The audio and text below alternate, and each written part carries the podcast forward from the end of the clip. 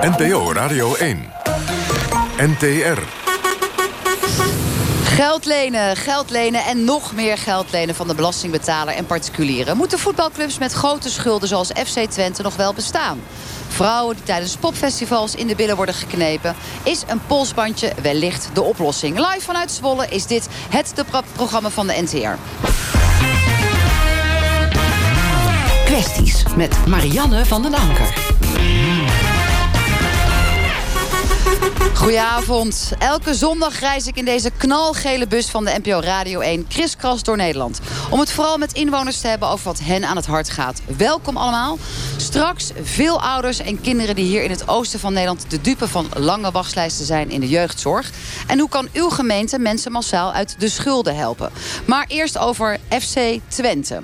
En dat terwijl hier in Zwolle niet eens de TT Assen is geweest. Hè, want die is net afgelopen. Rijden hier flink wat motorrijders weg staan wij in de avondzon in onze knalgele bus met airco. Het heel erg fijn te hebben. Toch met z'n allen hebben we er zin in?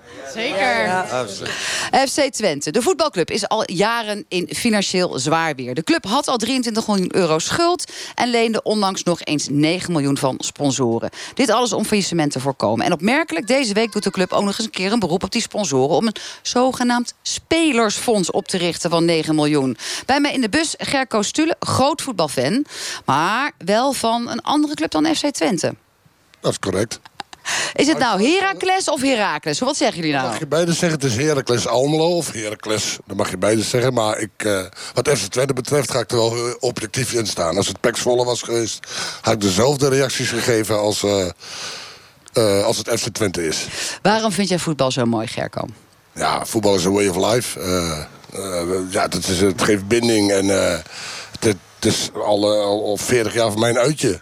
En uh, ja, het is uh, jouw club en, en gewoon de, de, de, ja, de, je zegt heel veel uh, maar we voelen aan alles dat je zegt. voetbal, dat is de passie. En dan in dat geval ook nog ja, Heracles. Maar Heracles, jouw favoriete club... die maakt er financieel niet zo'n potje van als FC Twente. Nee, dat kun je wel stellen, ja. Als jij ziet dat we nu... Uh, moet je me niet op een jaar pakken... maar bijvoorbeeld het dertiende jaar ingaan in de Eredivisie dat Heracles echt het braafste jongetje van de klas is qua in de betaalvoerwereld.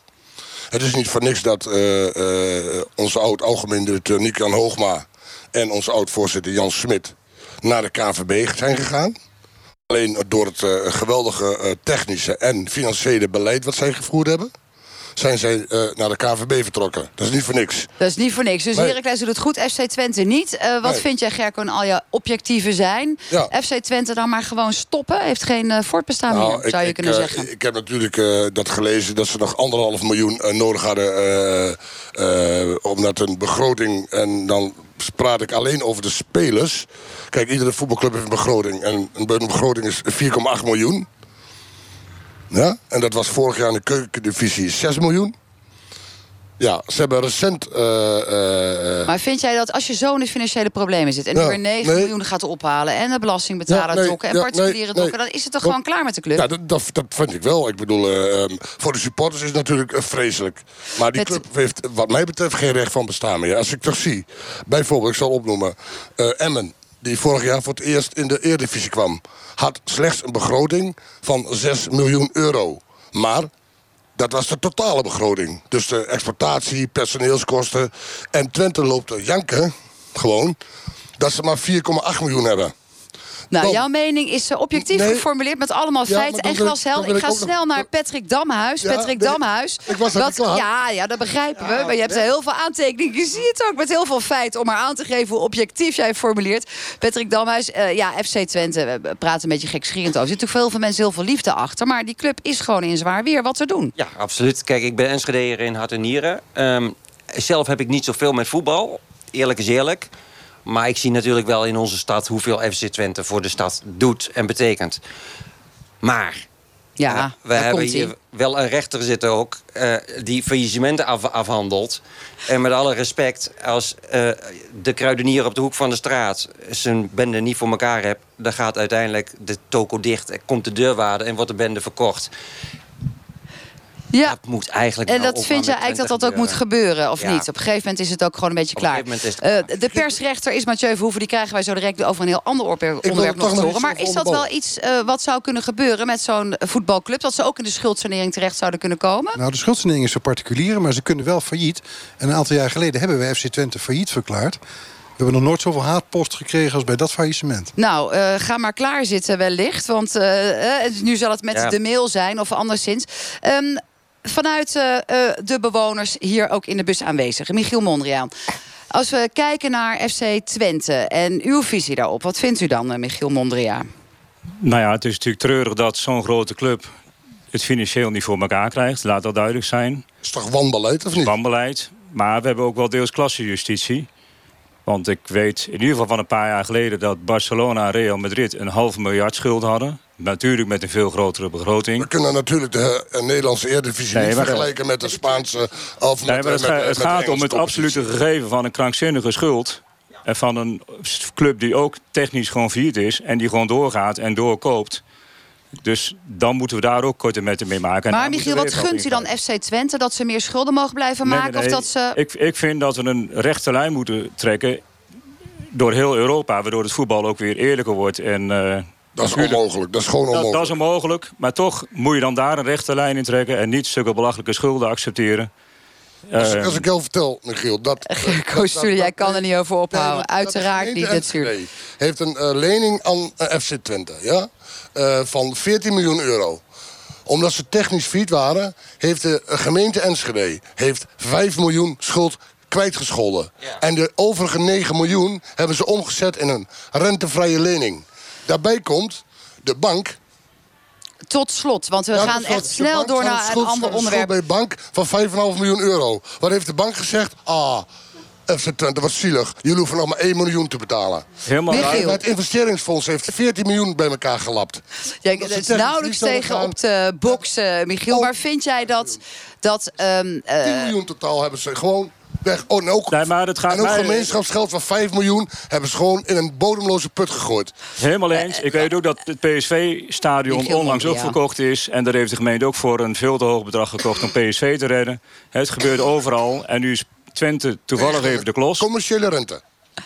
Deze nee, nee, discussie die de gaat vanavond niet van opgelost worden. Dat voel dat- ik al wel aan mijn Dat water is mijn aan. punt. En we moeten het oplossen, maar dan moet je ook Barça en Real gewoon uitsluiten van dat is, Europees dat is voetbal. met peren. Helemaal niet. Je, je kent een, een, een eh, Zodra je begint over voetbal en ik als vrouw met al die mannen... terwijl het vrouwenvoetbal natuurlijk ook nog belangrijk is... zouden we het eigenlijk veel meer over moeten hebben dan over Ja, FC Twente. Maar de punten zijn gemaakt. We gaan snel door naar het dat- volgende onderwerp. Ja, Patrick, ik ga echt door naar een ander onderwerp. Want dat raakt heel veel andere mensen... die hier ook in deze bus van NPO Radio 1 zitten.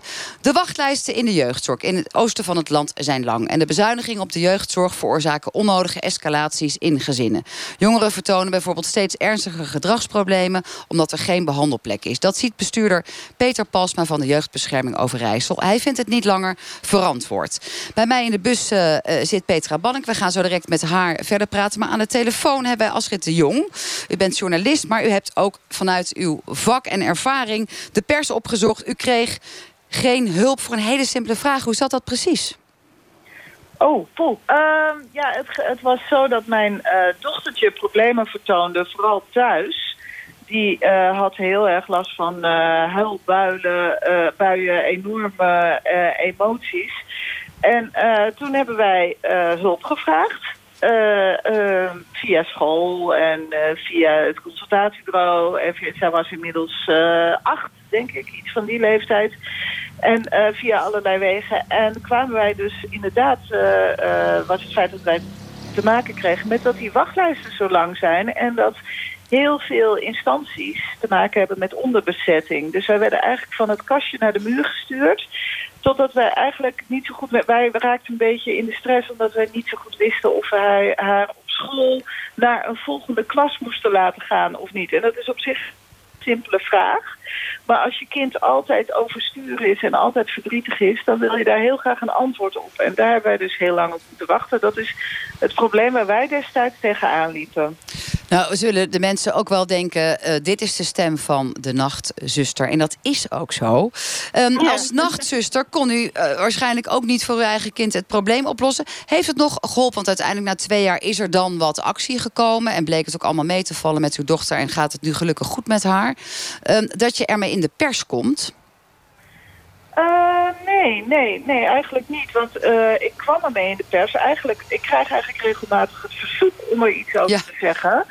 Omdat, uh, omdat ik een voorbeeld ben van een heel gewoon iemand. Dus niet iemand die ook te maken heeft met bijvoorbeeld drugsproblemen, alcoholproblemen, gezinsproblemen. Maar gewoon met een kind met een probleem. Wat ook niet zo erg is dat je regelmatig 112 belt of iets dergelijks. Maar gewoon een kind dat met een probleem rondloopt dat je heel graag op wil lossen. Wat meestal ook wel vrij simpel op te lossen is. Maar als je op zo'n wachtlijst komt, dat het dan zo lang duurt dat het kind er heel onevenredig lang mee rondloopt in het gezin ook. Dus het was meer dat ik gevraagd werd om mijn verhaal te vertellen. Want ik kwam dan wel misschien via het feit dat ik veel connecties heb met uh, de ombudsvrouw uh, in aanraking in onze gemeente.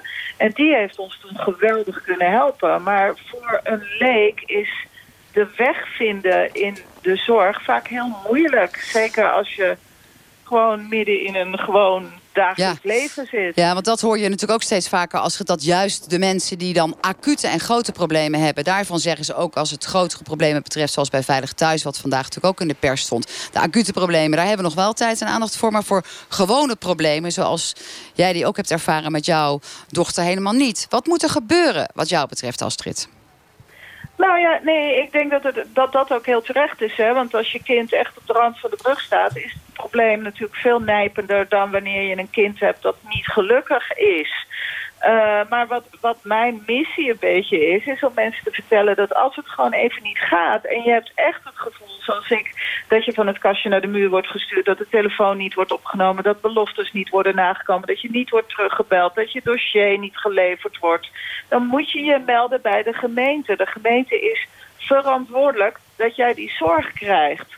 De gemeente is verantwoordelijk voor het feit dat iedere burger een redelijke level van geluk en welvaart heeft. Een redelijke, hè? Niet dat ja, ja, ja, ja, gelukkig wordt. Dus als, als je nou echt denkt van ja, maar dit loopt de spuig uit, uh, uit meld je bij de gemeente, bij de ombudsvrouw of man als de gemeente die heeft, of bij de verantwoordelijk wethouder. Want ze moeten gewoon weten dat er ook allerlei kleine problemen zich opstapelen door, die, uh, door het geldtekort. Exact, en, dat het ook gewoon nou, nodig is dat daar ook aandacht aan wordt besteed, uh, Astrid, vanuit die rol die de gemeente heeft gekregen met de, decentralis van de decentralisatie van de jeugdzorg. Dank Astrid voor het feit dat je je verhaal wilde delen. En heel fijn dat het in ieder geval met jouw dochter weer goed gaat. Heel goed, dankjewel. Bij mij in de bus ook Petra Banning. Jij bent moeder van vier kinderen. Jouw puberzoon Quinten die moest door zijn gedragsstoornis naar een gesloten jeugdinstelling. In het kort, Quinten is natuurlijk vast een aardig en lief baasje... maar hij heeft wel forse problemen. En wat zijn de problemen? Quinten heeft ADHD en Quinten heeft ODD-CD. En ODD-CD is een hele zware diagnose... die eigenlijk weinig goeds voorspelt voor de toekomst. In, in de gewone mensentaal agressief? Quinten is agressief, gevaarlijk, manipulatief... maar ook heel lief en heel zorgzaam. Het is niet alleen maar negatief. Het is ook een hele lieve... Eh, ja, ik, ik vind het altijd heel moeilijk om dat allemaal negatief te maken... want je kan er ook heel positief nog uithalen. Is zo. Tegelijkertijd heb jij met jeugdzorg best wel veel ellende meegemaakt. Ook goede dingen, hè? daar gaan we het ook nog even over hebben. Dat een dijk van een voogd die het echt voor je mhm. heeft opgenomen. Maar finally zat Quinten in een gesloten setting... waar hij helemaal niet thuis hoorde. Wat was de impact daarvan op jou en op hem? Nou, dat is een hele heftige impact geweest. Dat, die jongen was elf en die heeft 14 maanden in een gesloten inrichting. Ja, dat, dat doet zeer. Ik zie dat je er bijna weer van moet huilen. Ja. ja. Ehm, en uiteindelijk is hij daar wel uitgekomen. Maar dat heeft mijn zoon gebroken. Mijn zoon, ik heb gewoon elf jaar lang heb ik in, ingepoet, om maar zelfvertrouwen te creëren. Om te zeggen, jongen, luister dan. Maakt niet uit wat iemand zegt. Jij kan dit, mama doet dit met jou en het komt goed. En ik kreeg mijn zoon terug en die kreeg aanvallen. En hij zei gewoon, ik geloof niet meer in mezelf. En dat, ja, dat, dat breekt je.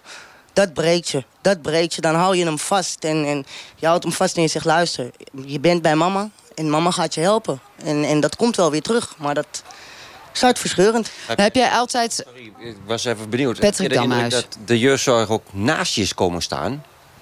In het gedeelte van gesloten ben ik absoluut niet tevreden geweest over de jeugdzorg. En op meerdere plekken niet, maar ik heb in de tijd dat hij gesloten is, heb ik bijna. ik heb geen contact eigenlijk met mijn zoon gehad. Ze hebben daar ook geen moeite voor gedaan om dat te herstellen. Maar was het ook een beslissing van jeugdzorg? Het was, ja, het was een beslissing van jeugdzorg. Dus je had er geen enkele inspraak op? Dat is via, gaat dat via de rechter? Of? Nou, bij mij, in, mijn, in mijn geval is het eigenlijk nog, ja, het is nog vervelender. Ik heb jarenlang vrijwillige hulp gehad. En, eh, Maar vrijwillige hulp gehad. Het, ik denk dat je het anders moet formuleren. Nee, je hebt zelf juist Ja, ik alles heb alle- alles- geregeld. Alles, alles, alles. zelf gedaan. Ik heb ehm, alle therapieën, gezinsopnames, alles gedaan. En eh, de vader sprong opeens op uit het niets. En opeens wou hij wat en ging naar de rechtbank. En ik heb hem nooit in de weg gezeten. Maar ja, dat is gebeurd. En toen kwam de gedwongen eh, hulpverlening. En ja, toen, toen was het gewoon... Mag ik, mag ik dan eh, misschien Gerco Stullen. stellen...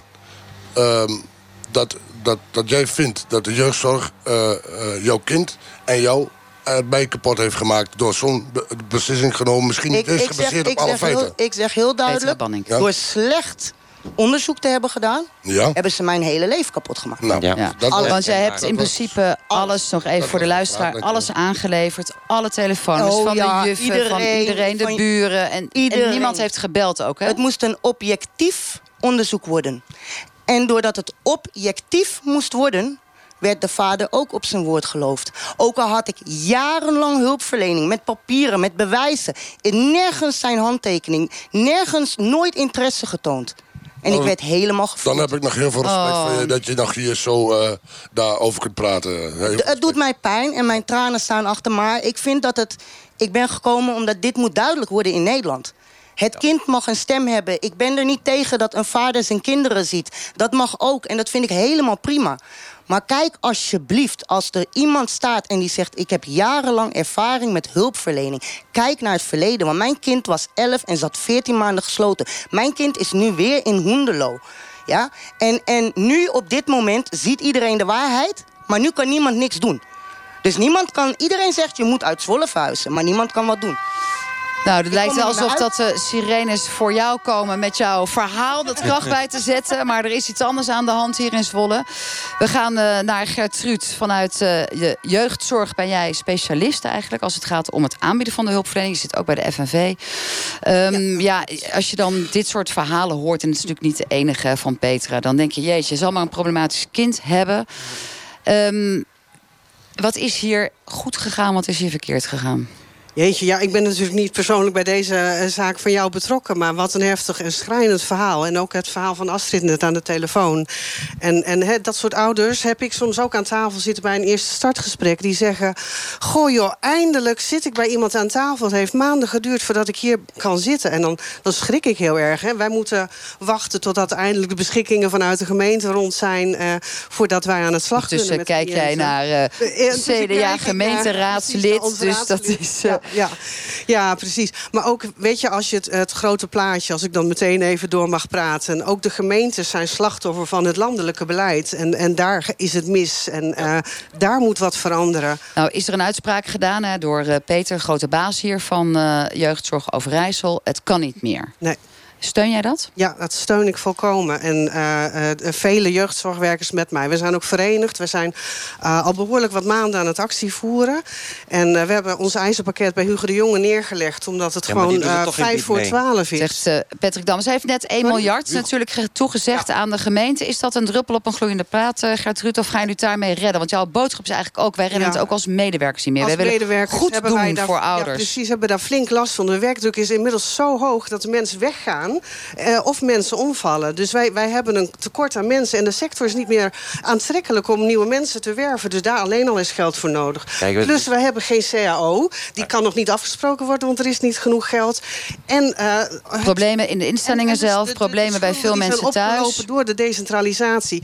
Die alleen al. En kijk, en als het geld eh, naar de gemeentes gaat... en Hugo de Jonge gaat het niet oormerken... dan gaat het in allerlei Ja. potjes En verdwijnen. dat- dus dat daar zit wij onze dus zorg. Ja. Dat, dat zien wij dus als, als ouders Patrick Damhuis. die met eh oude Ja, want jij komt natuurlijk ook op hè, voor de 19.000 kinderen in Nederland... die hun ouders niet kunnen zien om Ja. een of andere We reden. hebben dus ook eh, eh, het- het zij direct, het zij zijdelings met jeugdzorg te maken. Ja.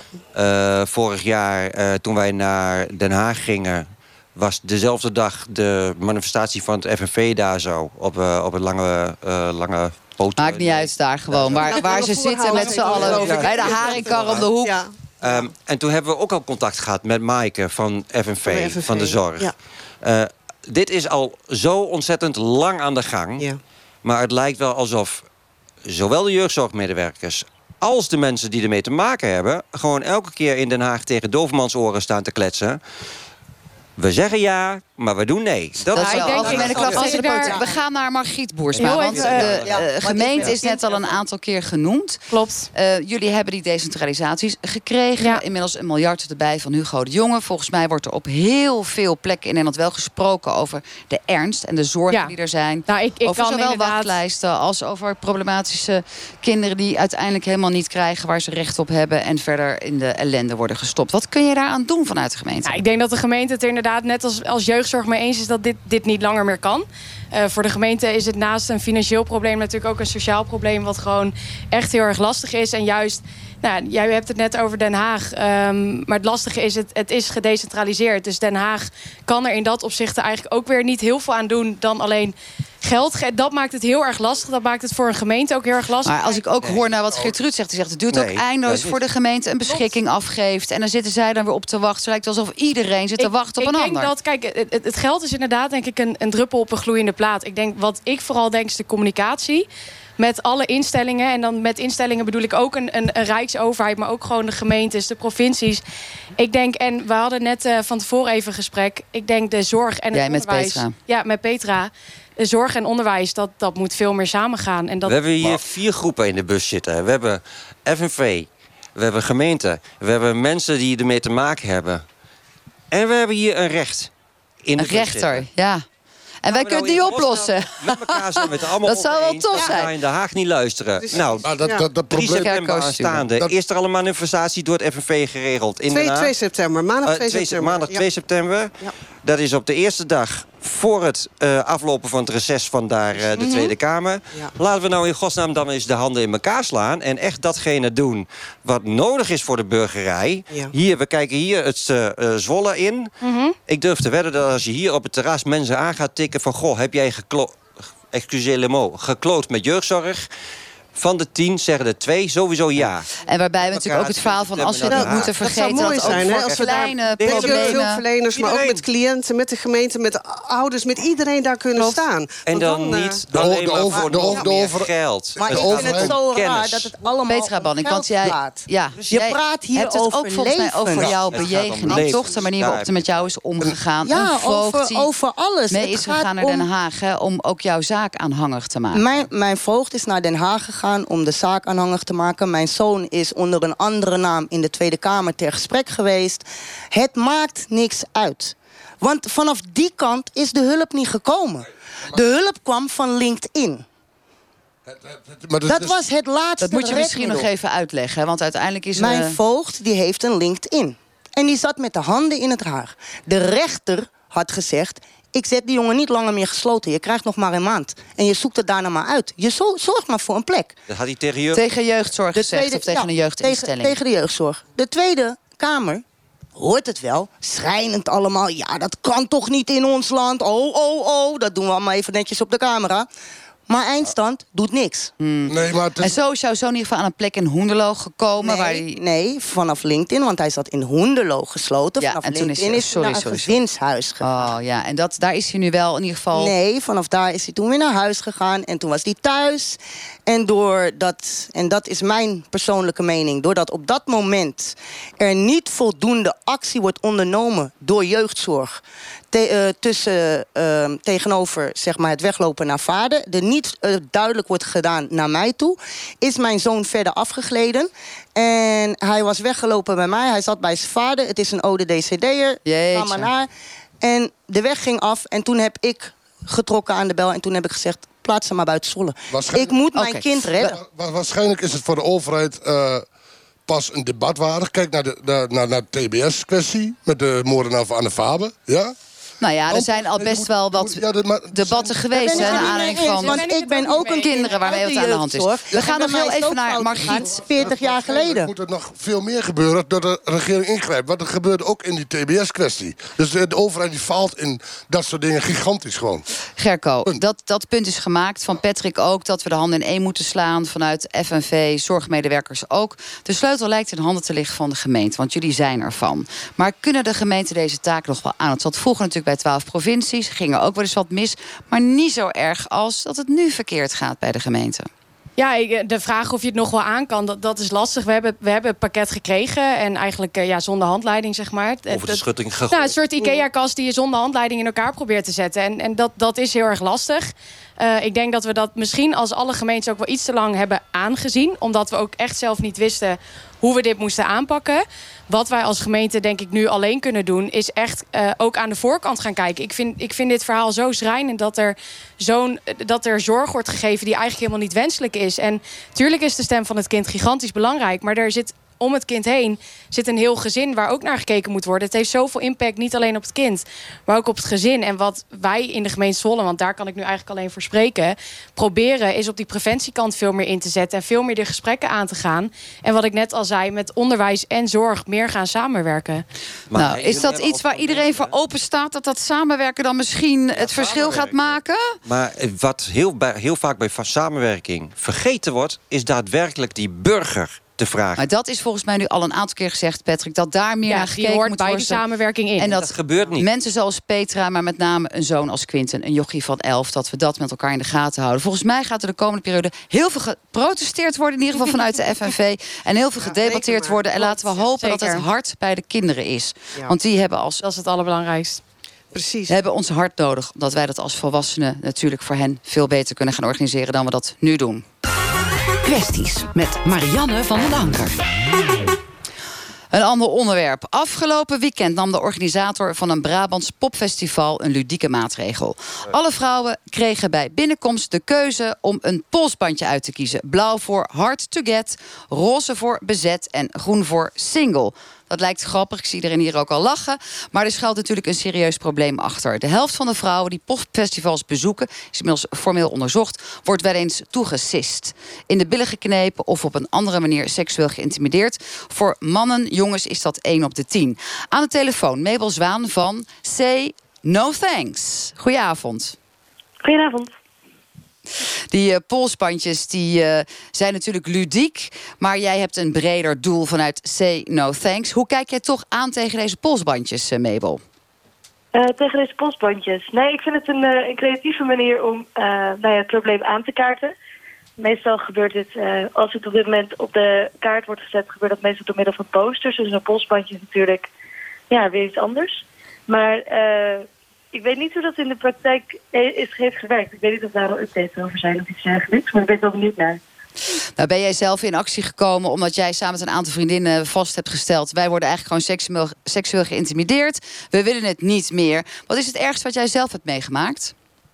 Uh, het ergste? Nou ja, het zijn meestal in de meeste gevallen dingetjes zoals bij de billen worden gegrepen... of in de borsten of een keertje een hand op een ongewenste plek... of nageroepen of iets dergelijks. Maar uh, ja, in sommige gevallen gaat het ook over uh, dat, ik, nee, dat ik daadwerkelijk word achtervolgd door bijvoorbeeld een publiek. En dat is uh, nog iets vervelender. Ja, nou, en zo zijn er dus uh, op basis van onderzoek 50% van de vrouwen, met name op festivals. Ik denk dat we hier in de bus het debat gaan openen die bandjes, de mensen die wij daarover hebben gesproken... die maken er ook wel weer een grapje van. Sommigen hadden er meerdere omgedaan, maar hebben toch allemaal zoiets van... het zet wel het bewustzijn aan om het gesprek te voeren. Zit jij er ook zo in, Mabel, dat dit gewoon goed is voor bewustwording... en het gesprek aangaan met elkaar hierover? Uh, ja, ik denk eigenlijk dat uh, dat eigenlijk wel uh, ja, de beste manier is om dat inderdaad die actie een beetje samen te vatten. Dat, het, dat mensen die nou ja, op jacht zijn naar, naar een leuke avond met, met een leuk iemand... en daar misschien niet altijd de juiste technieken voor hebben om dat te benaderen... nu wel eventjes scannen op polsbandjes inderdaad. Om ja. te kijken om te kijken of iemand anders... Ja, en sommigen gebruiken er dan ook twee. Maar goed, dat zijn natuurlijk de dingen die dan ook horen wel bij het spel. Want op zo'n festival gebeurt er natuurlijk van alles.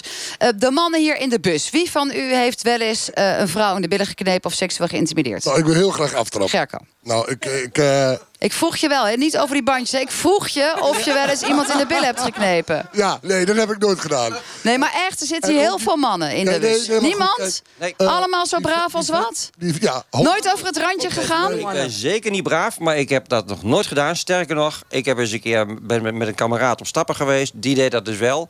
En die heb ik heel duidelijk gezegd van... joh, als jij zometeen een flinke trap Oké, dus we hebben hier allemaal mannen aan boord Ja, die... nee, maar gelijk Goed. doen, bam. op Bam, festivals... dat, Die polsbandjes, wat vinden jullie rond Met eh, eh, eh, pupillen als, eh, als schoteltjes. Zelf ben ik ook veel naar festivals geweest. Heb ik ook eh, vroeger wel eens een pilletje genomen. En daar schaam mij niet voor. Maar je hoort gewoon met je poten van die vrouw af te blijven. Juist. Maar zeg jij daarmee ook jij, met... jij kunt niet kwalificeren als jij gewoon vrijgezel bent. heb je een witbandje om. En dan loopt de vent die zegt... oh, die heeft een witbandje om. Die ga ik eens even in de kont knijpen. Dat is toch, dat is toch krankzinnig? Dan, ik vind Ik het vrouw, dat die- dat dat, bandjes... over. Ik vind het gewoon krankzinnig dat die bandjes ingevoerd worden. Je moet gewoon met je poten van de vrouw afblijven. Ja, oké, maar het, Oh, je kan ik ook zeggen, van- ik probeer je maar een beetje te verleiden... dat doordat je nu hebt vanuit dat Brabantse popfestival... Ja, gewoon hartstikke nee. unieke actie... het zou best wel eens wel kunnen werken. Maar jij gelooft er echt Wat denk je niet nou in. als ik zo'n viespeuk was? Ik zou letten van, oh, die heeft een oranje eh, bandje om. Die vrouw is getrouwd.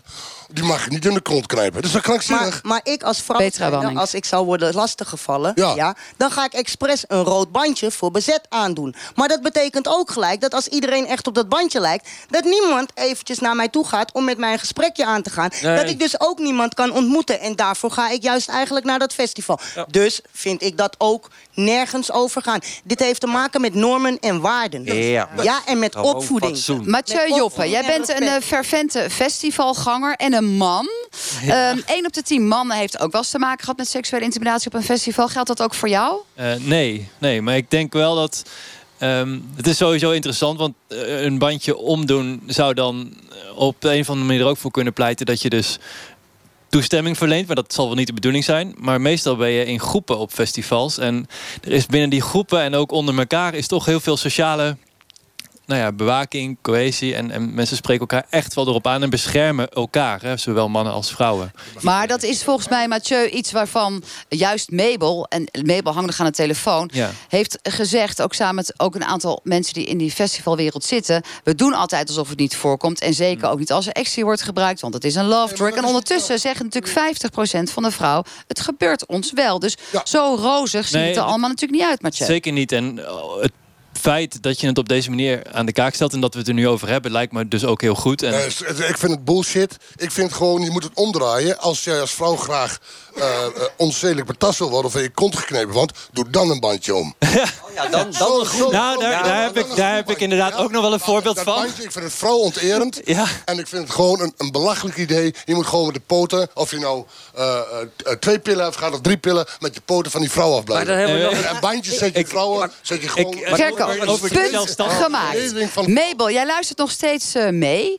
Eh, vanuit dat bandjesverhaal zitten wij hier bijna tien minuten lang verhit te praten. Maar volgens mij voor de goede zaak... om namelijk wel dit bredere maatschappelijke probleem op de agenda te zetten. Vanuit jouw beweging Say No Thanks. Wat is jouw absolute doel? Wat wil je verwezenlijken? Waar droom je van? Wat moet er gaan gebeuren? Nou ja, de, droom is natuurlijk altijd dat het eh, niet meer voorkomt, maar dat is eh, heel rooskleurig gedacht. Dus ik hoop eigenlijk dat we eh, op elke mogelijke manier, via organisaties, via artiesten en via het publiek te informeren, het zover kunnen krijgen dat iedereen het in ieder geval zo serieus mogelijk neemt. En nou, waar, waar ze op dit moment de macht toe hebben, eh, nou ja, maatregelen te nemen. Dus eigenlijk gaat het bij ons heel erg om bewustzijn en in gesprek gaan met mensen, en tips uitwisselen en om het probleem eigenlijk op die manier van alle kanten We te tackelen. we hebben zoveel... Dankjewel. Mabel. Zwaan, dankjewel voor deze bijdrage. Gerco is niet te stuiten en te stoppen. Die denkt nog creatief mee. hele professionele event security officers. Dus beveiligers op die festivals lopen. Die camerasystemen op dit moment, zowel in stadions als op festivals, zijn perfect.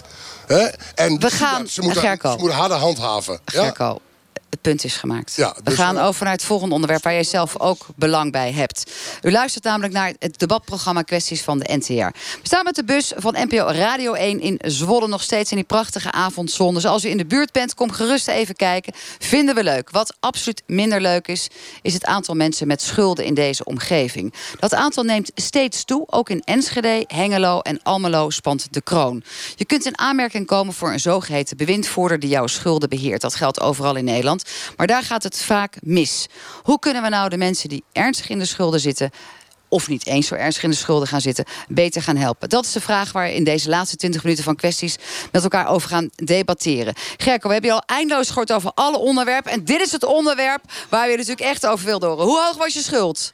Mijn eh, schuld was ehm, in 2013 110.000 euro. En hoe kwam dat? Ehm, nou, door, eh, door de scheiding. Ehm, eh, ik, ik kwam op een gegeven moment met twee huizen te zitten, scheiden. Eh, het was allemaal niet meer op. Scheiden, Er kwam plus... een persoonlijke lening bij om die tweede hypotheek van het huis. Want dat kun je niet bij, bij, eh, bijfinancieren, want dan kom je over de executiewaarde. 110.000 euro, punt. Ja, maar ook toch drank. Ja, dat klopt. Ik, ik, kwam in de, ik had een hele goede baan bij een, een prachtig betaald voetbalorganisatie in het oosten van het land. Ik, eh, eh, We noemen kan- geen namen. Kan, even- kan, even, kan, even, kan even niet op de naam komen, maar eh, nee, maar goed. Mensen moeten even de uitzending ehm, terugluisteren, denk ik. ik, ik dacht, eh, ehm, ja, en ik dacht het op te lossen van, eh, eh, eh, ja, mijn vrouw ging weg en ik eh, raakte mijn gezin kwijt. En ehm, van oorsprong ben ik bedrijfskundig, ik ben een slimme jongen. Maar emoties ben je niet de baas. En ja, ik ben toen eh, proberen, eh, ik had zoveel pijn, ben ik het gaan proberen weg te drinken. En, en noem alles maar op, alles wat, wat, zeg maar, wat God verboden heeft. Oké. En daar is We hebben het over bewindvoering, want uiteindelijk hebt u daar ook mee te maken gehad. ja. We gaan het straks over hebben dat bewindvoerders je ernstiger in de put kunnen brengen dan eigenlijk de bedoeling was. In jouw geval heb je een positieve ervaring. Heel even in het kort wat de succesfactoren waren van de aanpak van jouw bewindvoerder in samenwerking met de Ehm, Stadsbank. Het gaat erom, ehm, ehm, eerst moet je accepteren dat je, eh, je bent verplicht, door, eh, voordat je het hele traject van de WSP in kunt, om schuld op te zoeken. Daar ben je verplicht. Daar kijkt de recht ook naar of je dat gedaan hebt. Ik heb aangeklopt bij de Stadsbank Oost-Nederland. Een geweldige organisatie. Echt een geweldige organisatie. Die heeft.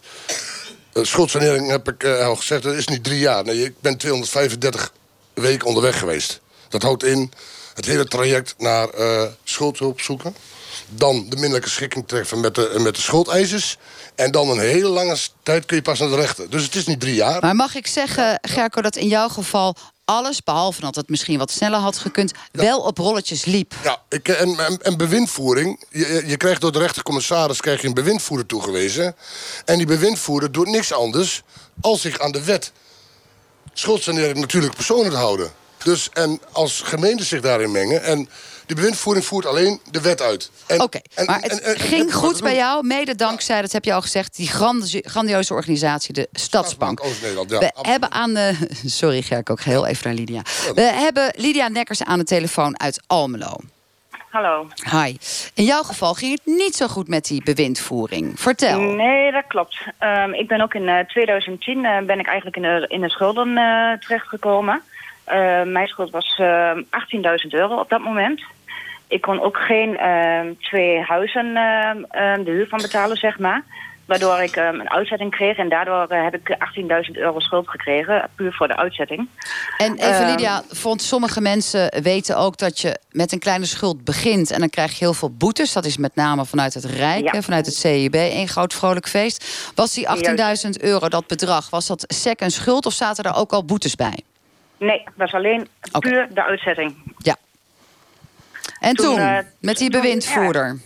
Toen had ik, ehm, eerst eh, ben ik bij de Stadsbank geweest. Nou, dat was voor mij één groot fiasco. Die deden helemaal niks ehm, op dat moment.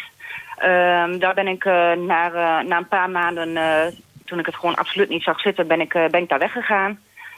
heb ik een andere JF Company ben ik naartoe gegaan. Nou, die mensen moest ik nog uitleggen waar het euroteken zat op het toetsenbord. Dat was echt heel verschrikkelijk. Die wisten echt uh, niks, maar die deden ook niks. Die, konden ook weinig. Ik had op dat moment had ik, uh, had ik een via En had jij die zelf gekozen, Lydia? Want in principe mag nee, je zelf nee. je bewindvoerder ja, JF uitkiezen. Company, JF Company heb ik zelf gekozen. Maar op een gegeven moment uh, heb ik JF Company heb ik voor de rechter um, uitgedaagd. En toen heeft de rechter samen met mij besloten dat ik een andere bewindvoerder moest hebben. En toen kwamen we op Kijk op Geld. Oké, dat is een andere bewindvoerder. Ja. Ja, weer een andere bewindvoerder. Kijk op Geld, nou, die werd later zelf door de rechter eh, op de vingers getikt. Die, werd ook, eh, die had ook gefraudeerd en alles. En d- daar ging ook van alles mis. Eh, helaas. Want ik mocht En eigenlijk... even, want eh, jij zegt van in 2010 begon dit allemaal met 18.000 euro schuld. En inmiddels leven we in 2019. En hoe groot is jouw schuld nu? 56.000 euro. Zo de ju. Oké, iedereen Ja. reageert hier van, huh, hoe mag- kan mag- dat? mag ik ga heel even vragen aan de persrechter Mathieu Verhoeven. Hoe kan dit in hemelsnaam? Dat iemand die door u in principe als eh, eh, een- een bewindvoerder krijgt toegewezen... nu van 18.000 euro 56.000 euro heeft weten te maken. Nou, we moeten even een verschil maken. Het eerste geval was een wettelijke schuldsaneringsbewindvoerder. Dat is een andere dan de beschermingsbewindvoerder waar de mevrouw het over heeft. En maar tijd- feit blijft dat niemand dit natuurlijk kan begrijpen. Nee, maar tijdens een wettelijke schuldsanering lopen bijvoorbeeld rente en kosten niet door. Tijdens een ik kan dat wel. negen jaar in te komen.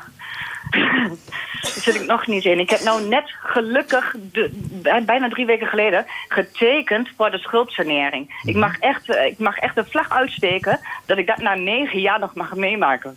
Ja. Ben jij nou, Lydia, eigenlijk Iedereen eh, van mening trouwens. bozer op die bewindvoerders die maar wat lopen aan te rommelen en eigenlijk niet op hun vingers worden getikt? Of ben je boos ook op de rechter die hier zit? En die heet Mathieu Verhoeven. Dus mocht je boos zijn op hem, hem, dan mag je hem ook Ja. gaan aanspreken met Mathieu. Hij zit er klaar Ja. voor. Nou, ik, ik ben echt, eh, nou, eigenlijk boos op beide. Hè, want ik vind de bewindvoeringskantoor, die vind ik, vind ik niet normaal als die ook nog eens een keer lopen te hoeren met geld van, van mensen die het al moeilijk hebben. Ik bedoel, eh, dan heb ik liever dat ze, eh, dat ze stelen van de rijken, sorry. Maar dat liever. Maar ik ben ook zeker boos op de rechter. Want nou ook weer met APRO Plus. Ik heb nou al, samen met, de, met twee mensen die, die in de raad zitten van de gemeente... eh, ben ik aan het uitzoeken hoeveel schade ik heb opgelopen. En ik heb nou al 13.000 euro schade. Bovenop het bedrag wat ik dus al had.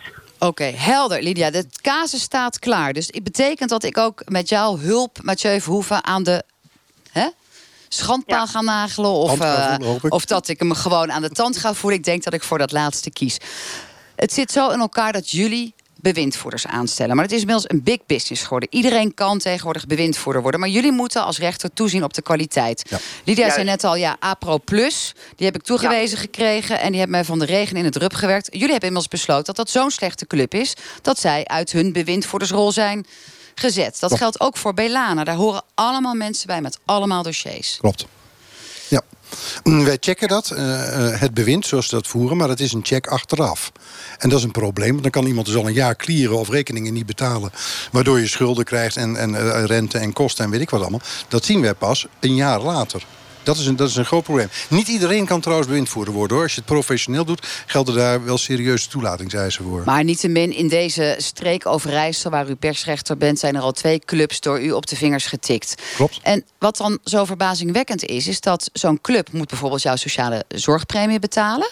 Hm. Dat doen ze niet. En uiteindelijk ook samen met Lydia en een aantal andere mensen is die nu ook worden ze geconfronteerd met een boete vanuit het CEB van 4500 euro. Ja. Maar kunnen je daar dan als dat voelt toch oneerlijk als rechter ben je toch ook op aarde om iets van rechtvaardigheid te bewerkstelligen? Dit voelt toch voor niemand rechtvaardig? Nee, het is ook zo, wij houden daar toezicht op. En op het moment dat een bewindvoerder schade veroorzaakt... en wij ontdekken dat, dan wordt hij ontslagen... en heeft de, de rechthebbende heeft een schadevergoedingsaanspraak... eh, op zijn Nee. oude bewindvoerder. Ja, maar dan, dan moet je een hele zak geld Patrick meenemen... een advocaat zien te vinden die dan voor jou dat wil, weer wil aanvechten. Maar dat is, dat is de omgekeerde wereld. apart, Lydia wij Nekkers. proberen echt- Ja, wij proberen echt al iemand te vinden, inderdaad, die wij aansprakelijk kunnen stellen voor de schade die, die ik Mhm. heb opgelopen, samen met de medegedupeerden. Ja, want het is gewoon zo dat als Kijk op Geld of uh, APRO Plus eh, failliet wordt verklaard, Ja, kun je precies. gewoon nergens meer je schadegeld Mhm. ophalen. Want het is er gewoon niet. Hè, Is dat zo? Even- ik vraag dat heel maken, even- komt op mijn naam. Lydia, ik ga dat heel even vragen bij Mathieu Verhoeven. Die weet namelijk alles van het recht. Ja, Hè, dus deze twee clubs, Belana 2, eh 200 klanten. eh, APRO Plus 70 klanten in ieder geval vanuit deze regio Overijssel. Als die lui inderdaad failliet gaan... Of de advocaat weet niks voor elkaar te bewerkstelligen, wat dan? Ja, als ze failliet gaan, dan kun je natuurlijk ieder theoretisch recht hebben... dan kun je het niet meer geldend maken. Maar ze zijn verplicht verzekerd. Eh, Dus die mensen hebben een, een, een verzekering die je dan maar aan ja, zou als kunnen je dat weer even niet betaalt, prima. Ja, ik, vind Ja. De, ik vind de verhouding zeg maar ook wel... CDA, we hebben het hier laatst in onze gemeenteraad ook over gehad... dat juist de mensen die in de schulden zitten... als, daar dan, als zij dan ergens niet aan voldoen... die boetes die daar tegenover staan... die zijn zo niet in verhouding... dat het dus op die manier, tenminste zo kijk ik er een beetje tegenaan... helemaal, nou in dit geval ook helemaal uit de hand loopt. Kan Margriet Boersma, maar nou hoor je dit verhaal... en jullie hebben het in de gemeenteraad al over gehad. Wat besluit je dan als raad om je tegenover te stellen? Want mijn eh, bescheiden analyse is dat de mensen die het meest kwetsbaar zijn... hebben het ook gehad met Peter als het gaat over jeugdzorg... dat die in de meest complexe situaties worden geparkeerd... met niemand die er uiteindelijk echt voor hen is. Klopt. Nou, wat wij hebben gedaan eh, is met onze zeg maar, Kamerleden uit Overijssel, Maurits van Martels en Hilde Palland, zijn wij in gesprek gegaan. Want dit is natuurlijk ook vanuit landelijk wordt dit heel erg opgelegd, de bedragen. En nu hebben we het dan in dit geval eh, over bewindvoerders, maar Belastingdienst is ook een geval wat dat heel erg doet. Yep. Dus wij hebben daar de vraag neergelegd of zij kunnen onderzoeken van hoe werkt dat systeem. En kunnen we daar in Nederland niet verandering in brengen, dat, dat, dat die verhoudingen beter in elkaar komen te staan. Maar zou je dan zijn voor, eh, als, als, als aangetoond kan worden... wellicht met een gang naar de rechter... dat jij buiten jouw schuld om nog erg in de problemen bent gekomen... dat het CDA ervoor is om dan alles kwijt te schelden? Nou, alles Volledige uitgelden. amnestie? Daar moet je altijd natuurlijk per situatie bekijken. Maar ik vind wel dat er inderdaad een flinke regeling voor getroffen moet worden... als het buiten jouw schuld om is. Ja, waar je een onderscheid in zou moeten maken is als je een betalingsprikkel oplegt, hè, wat het CIB doet, door boetes te, verdrievoudigen voor mensen die niet betalen willen, dat is prima. Maar die prikkels kun je niet opleggen aan mensen die niet betalen kunnen. Die kun je prikkelen tot je, tot je een ons weegt, Ja, maar maar die blijven niet kunnen betalen. prikkel En toch zie, je dat maar exploderen. hè. Die gaan, Ja. die gaan drie, vier keer over de kop. En dat is, dat is een heel raar systeem. Ja, maar Eh, die boetes dan. Als je die niet, als je die, als uh, eigenlijk het Julia? beschermingsbewind zou willen betalen. Mhm. Ja, maar de, de verzekering wordt niet betaald. Hè, dus ik word uit de auto getrokken. Ik word zelfs gegijzeld. Ja, voor een boete. Ik word vastgeze- eh, vastgezet. eh, Terwijl ik moeder ben van drie kinderen.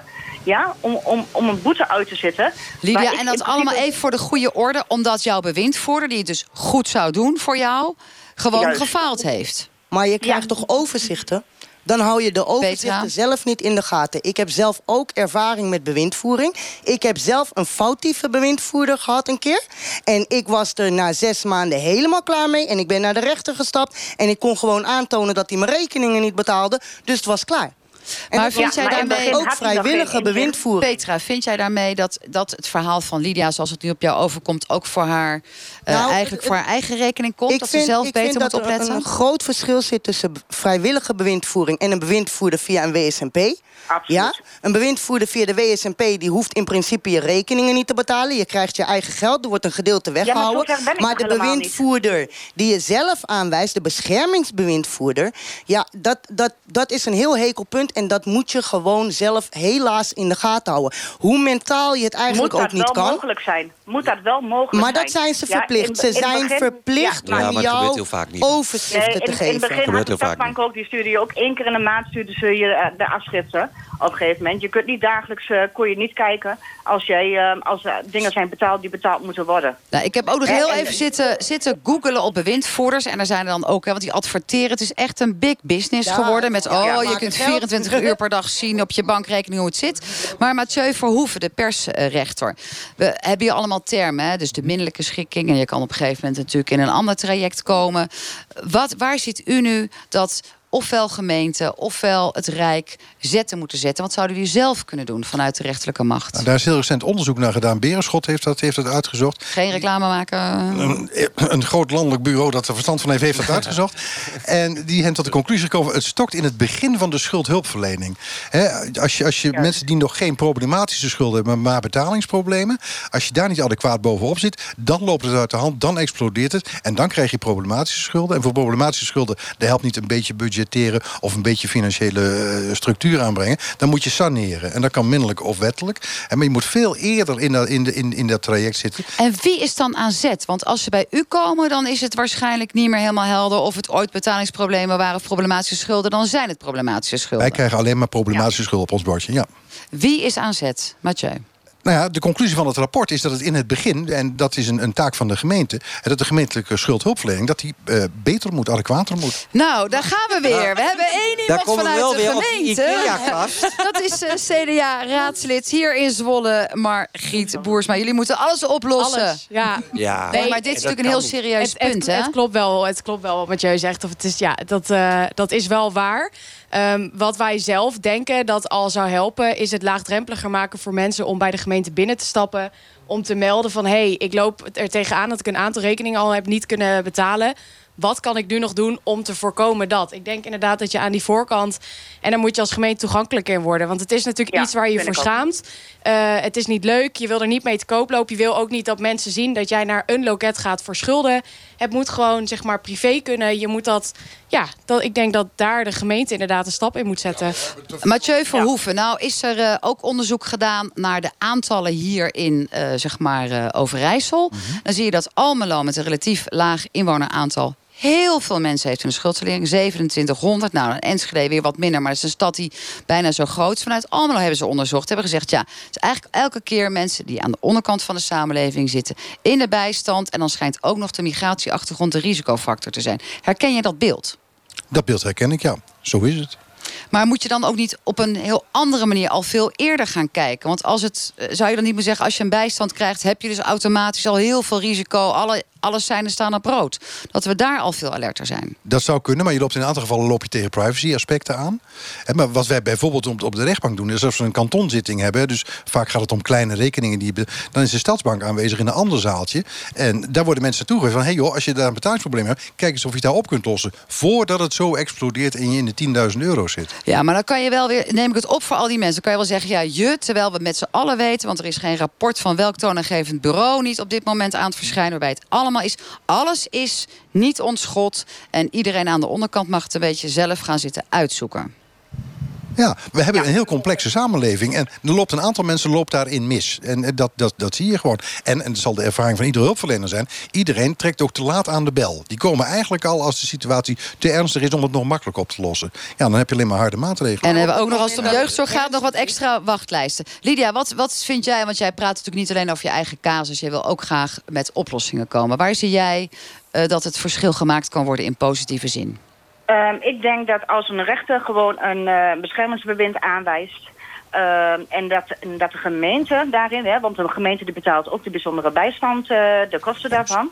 ehm, dat de gemeente ook een, een check doet om een half jaar of zo van... hé, hey, hoe, hoe zit dat met die cliënt? Wel, we betalen nou een half jaar voor die cliënt... maar zit er een beetje vooruitgang in? Is er misschien al een keer een aanmelding? Wel, is er al een tijd voor een aanmelding? Of iets dergelijks, zodat ze toch een beetje een stok achter de deur hebben... en zodat ze toch ehm, de goede weg inslaan, de bewindvoerders... en eh, niet op het criminele pad komen. Je zou Ja, helder. een tijdsbestek aan Petra moeten zetten. Ben- En op het moment dat je bent aangemeld... en de gemeente neemt het over in een schuldhulpverleningstraject... dan zou eigenlijk het systeem zo moeten zijn... dat geen enkele deurwaarde meer extra kosten eroverheen mag jagen. De CAIB mag niet meer stijgen. Iedereen moet dan gewoon worden gepauzeerd. Wachten totdat iedereen ermee eens is of niet eens. Is er iemand oneens, laat die persoon naar de rechtbank gaan. Laat er een WSMP worden uitgesproken. En help iemand verder in de toekomst. Want daar gaat het ook echt enorm omhoog. Dat, dat traject dat nog duurt van op het moment dat je bent aangemeld... totdat het daadwerkelijk ook wordt uitgesproken... daar gaat ook nog even een paar roodjes overheen, hoor. Een paar roodjes. Gerco, jij krijgt eh, het, het slotwoord, maar je moet wel kort formuleren. Kort houden. Kijk, ik, ik hoor Lydia verhaal, dat is natuurlijk schrijnend. Ik, de oorzaak is het beschermingsbewind. Ehm, ik moet je hartelijk feliciteren dat je nu in de eh, eh, WSMP komt. Want dan ben je echt, dan krijg je echt een gedegen bewindvoerder die gecontroleerd wordt door de rechter. Ehm, dan ben je met drie jaar eh, van die 56.000 af. Wat ik vind is, ik hoorde aan het begin van jouw haal- verhaal... in die instantie, die instantie, die instantie, die instantie. Eh, er zijn te veel instanties. Oké, dat is ook een oplossing. We gaan gewoon het aantal instanties uitdunnen. En nog Ja. even een reactie vanuit de bus. Dat idee dat er vanuit de overheid zoveel schulden zijn... dat wordt ook breed erkend hè, door de persrechter over. Het is de grootste schuldeiser. Moet daar dan ook niet iets aan gedaan worden? Wat vinden we daarvan? Dat, maar dat, volgens mij hebben de rechters daar Dat zelfs nog wettelijke middel- middelen voor... om op het moment dat er geconstateerd wordt dat schulden hoger zijn geworden... eigenlijk door toedoen van lange termijn en maar op, opplussen en opplussen... dat een rechter dat met eh, terugwerkende kracht weer terug kan zetten. En dat een CEIB Ik, wat ik ga jullie allemaal de ontzettend danken. Want ik weet dat wij bijna met deze bus weg gaan rijden. Lydia vanuit de telefoon, ook zeer veel dank. Ten aanzien van die bewindvoerders hopen dat in ieder geval de kwaliteit daarvan omhoog gaat. En dat in ieder geval mensen niet te dupe worden van foute lui en lieden... die dan weer door de rechter uit hun ambt moeten worden ontzet. Heel veel succes, heel veel dank dat jullie hier allemaal waren. Dit was Kwesties vanuit Zwolle. En we danken jullie natuurlijk allemaal ook voor het hier heel erg fijn met ons vandaag debatteren. Volgende week staan we met de bus in Limburg. En als u een kwestie heeft die daar speelt, bel ons dan. Dat kan met een mailtje of een apenstaartje ntr.nl. Als je natuurlijk ons op een andere manier wil bereiken bij social media. Zo direct Radiodoc over de zichtbare gevolgen van de klimaatveranderingen op Malta. Dat allemaal na de nieuwsupdate van de NOS van 9 uur. Een hele fijne avond. Hè? Jeetje jongens, dank wel.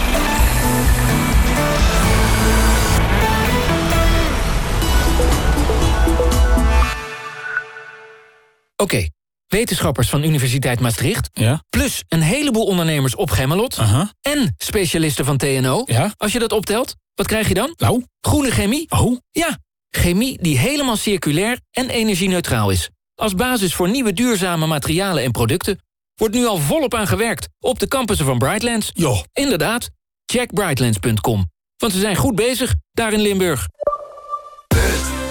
De tijd van doen. Investeren in de wapenhandel? Beter van niet. Daarom beleggen wij in groene energie. Kiezen voor de lange termijn. ASR Vermogensbeheer doet het. Brightlands.com. Ook voor banen en opleidingen in beta-techniek. Kom meedoen in Limburg. Op weg naar groene chemie en nog veel meer. Check brightlands.com. Wie vakantie zegt, zegt boeken. En boeken bestel je bij Managementboek. Boeken voor je werk, maar ook romans, reisboeken of een lekkere biografie. Managementboek.nl Je spijsvertering kan je kracht geven, maar ook bang maken. Of zelfs je dood worden. Ontdek er alles over op je spijsvertering.nl. Maaglever Darmstichting. NPO